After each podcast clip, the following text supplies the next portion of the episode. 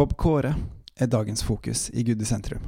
For hvordan kan Gud elske Bob Kåre og samtidig si at han er en synder og hater synden? Det har jeg tenkt å ta for meg i dag.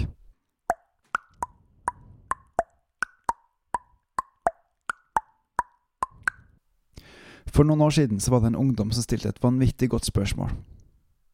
Dere voksne sier at Gud elsker oss, at vi er perfekte, men samtidig at vi gjør så mye galt at vi trenger Guds tilgivelse. Hvordan henger det på greip?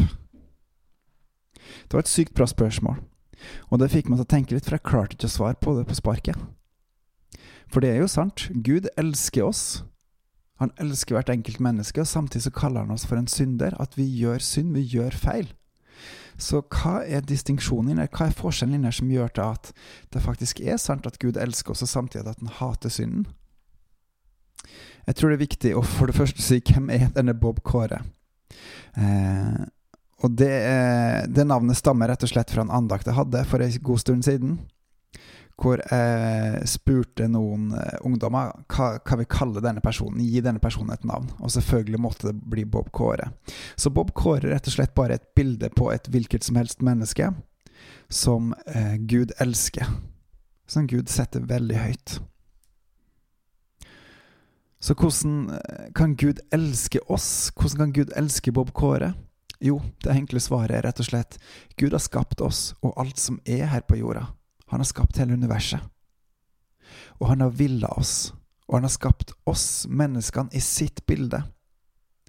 For at vi skal kunne lære å kjenne han og tilbe han. Fordi det er det beste som finnes.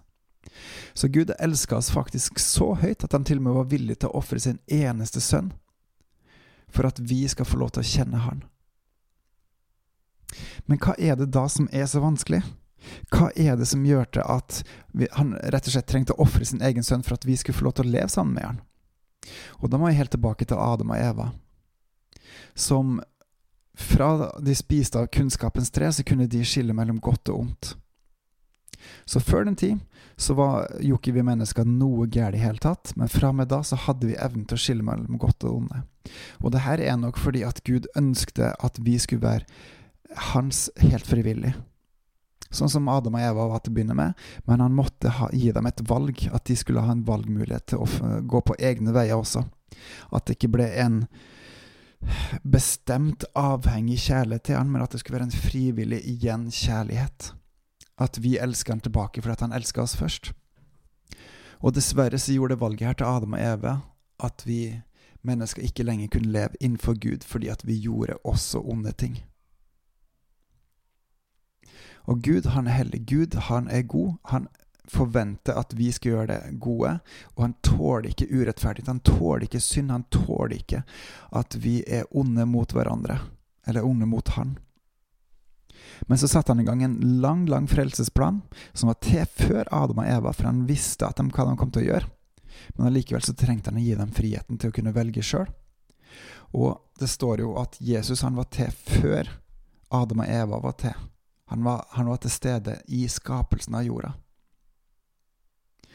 Og gjennom hans frelsesplan så skulle Jesus ta og sone for våre synder, sånn at hver enkelt en som tar imot han, som tror på Jesus, ikke pga. gjerninga, ikke pga. hvem han er, men bare fordi at man tror på Jesus, så skal man få lov til å bli frelst og få lov til å komme hjem til Gud. Gud elsker rett og slett mennesket så høyt at han ofra sin eneste sønn, det mest dyrebare han hadde, for at vi skal få lov til å komme hjem til han. Men hva er det som gjør til at vi ikke kan leve sammen med Gud? Hva er vår synd? Hva er det som gjør til at vi både elsker, men at Gud hater det vi gjør? Og jeg tror nettopp her ligger forskjellen. Gud elsker hvert enkelt menneske så høyt at han var villig til å ofre sin eneste sønn for at hver av oss skal komme tilbake til han og leve med han. Men hva er det som skiller oss fra Gud? Jo, det er det vi tenker, sier og gjør. Og da er vi framme nå av kjernen på dette, fordi det er viktig å skille mellom hvem vi er, og hva vi gjør for noe. Hva er vår identitet, og hva, vi, hva vi velger å gjøre? Sjøl om Adam og Eva synda og begynte å gjøre onde ting, så elska Gud Adam og Eva like høyt. Men han tålte ikke alt det onde de gjorde. Og på samme måte så er det med oss i dag også. Gud elsker hvert enkelt menneske. Og han lengter og han venter på at hver og en av oss faktisk kommer hjem til han. Men han tåler ikke all den urettferdigheten, uretten som vi gjør, alt det onde som vi gjør, mot oss sjøl, mot andre mennesker, mot han. Han forventer at vi faktisk skal være rene og hellige i han. Så han elsker oss, men han elsker ikke det onde vi gjør. Vi tenker onde ting ut mot andre mennesker, eller mot Gud, og mot oss sjøl. Med vår munn, som er noe av det farligste våpenet vi har, så kan vi såre veldig mange andre mennesker, oss sjøl eller Gud. Og med alt det vi gjør, både bevisst og ubevisst, så sårer vi andre mennesker, sårer oss sjøl, og vi sårer Gud. Og heldigvis er det jo ikke sånn at det vi gjør, det er det vi er. For vi er jo den vi er uansett hva vi er, og vi forandrer oss i løpet av livet også. Så Gud, han elsker individet, men han elsker ikke det som er tillegget, det som vi gjør. Og nettopp fordi at han elsker oss så høyt, så var han villig til å sende Jesus for at han skulle ta på seg skylda for alt det som vi har gjort, og som vi gjør, og som vi kommer til å gjøre. Fordi vi er mennesker, vi er dømt etter Guds standard, etter Guds lov, til å gå skyldig, til å være skyldig for alt det onde vi har gjort, og vi fortjener en straff for det. Men helt urettferdig, helt uten noen annen grunn enn kjærlighet, så får vi lov til å bli vaska rein i Jesu blod. Til å ta imot Hans nåde, ta imot Hans frelse, bare ved å tro på Jesus. Og da vasker Gud vekk alt det onde vi har gjort til da. Og ja, dessverre, vi kommer til å fortsette å synde. Det gjør vi. Men med Guds hjelp, med Hans eh, hellige ånd, med helliggjørelsen, så kan vi sammen, i en felles innsats med en hellig ånd, jobbe fram helliggjørelsen, slik at vi gjør mer og mer av det gode og mindre og mindre av synda. Så hva nå? Hva betyr dette for oss? Gud elsker hvert enkelt menneske. Og samtidig, han hater synden, han hater urettferdigheten, han hater uretten, han hater alt det onde. Og for hver og en som ikke vasker seg vekk fra det, vasker seg rein fra det, så kan ikke Gud tåle at du kommer inn for han.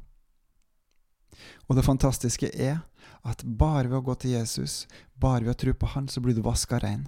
Og ja, det kan absolutt også bety at man må gå til andre medmennesker, rydde opp i forhold til de også, men start hos Gud. Og du får lov til å bli frelst, og får lov til å komme inn i Guds rike, får lov til å vokse i helliggjørelsen, og får lov til å følge Jesus, og bli drevet av Den hellige ånd, med Gud som far. Og husk at Gud han har elska oss mennesker så høyt at han har gitt oss Jesus. Og han er faktisk den største gaven du kan få. Og dermed så må også vi gi den, gi den videre. For Gud, han elsker din nabo, han elsker dine medmennesker rundt deg. Han elsker de samme folka som du har rundt deg. Og han vil at de også skal komme til tro. Han vil at de også ikke skal bare tro, men også vokse med han. Og da er vårt ansvar faktisk å gi det videre. Og skal vi ha noe å gi videre, så må vi også vokse i det sjøl. Men vi må rett og slett elske mennesket og hate synden. Og fordi vi elsker mennesket så høyt, så skyver vi ikke mennesket vekk fra oss, men vi omfavner mennesket, og så hjelper vi dem til å vokse med Gud og håndtere synden. Og som Galaterbrevet sier, 6, pass på så ikke du blir frista av synden til å gjøre den sjøl. Men elsk synderen. Elsk ditt medmenneske, og ta dem med på den gode veien. Engasjer deg i livet til mennesker rundt deg. Vær nær. Elsk mennesket og finn gode måter på å ta avstand fra synden. Gjør det i en broderkjærlighet som gjør at en vandrer sammen. Ikke for å skyve vekk, men for å holde hånda rundt skuldra og si 'Jeg vil hjelpe deg. Jeg vil gå sammen med deg. Jeg liker det'. Bebels og på gjenhør.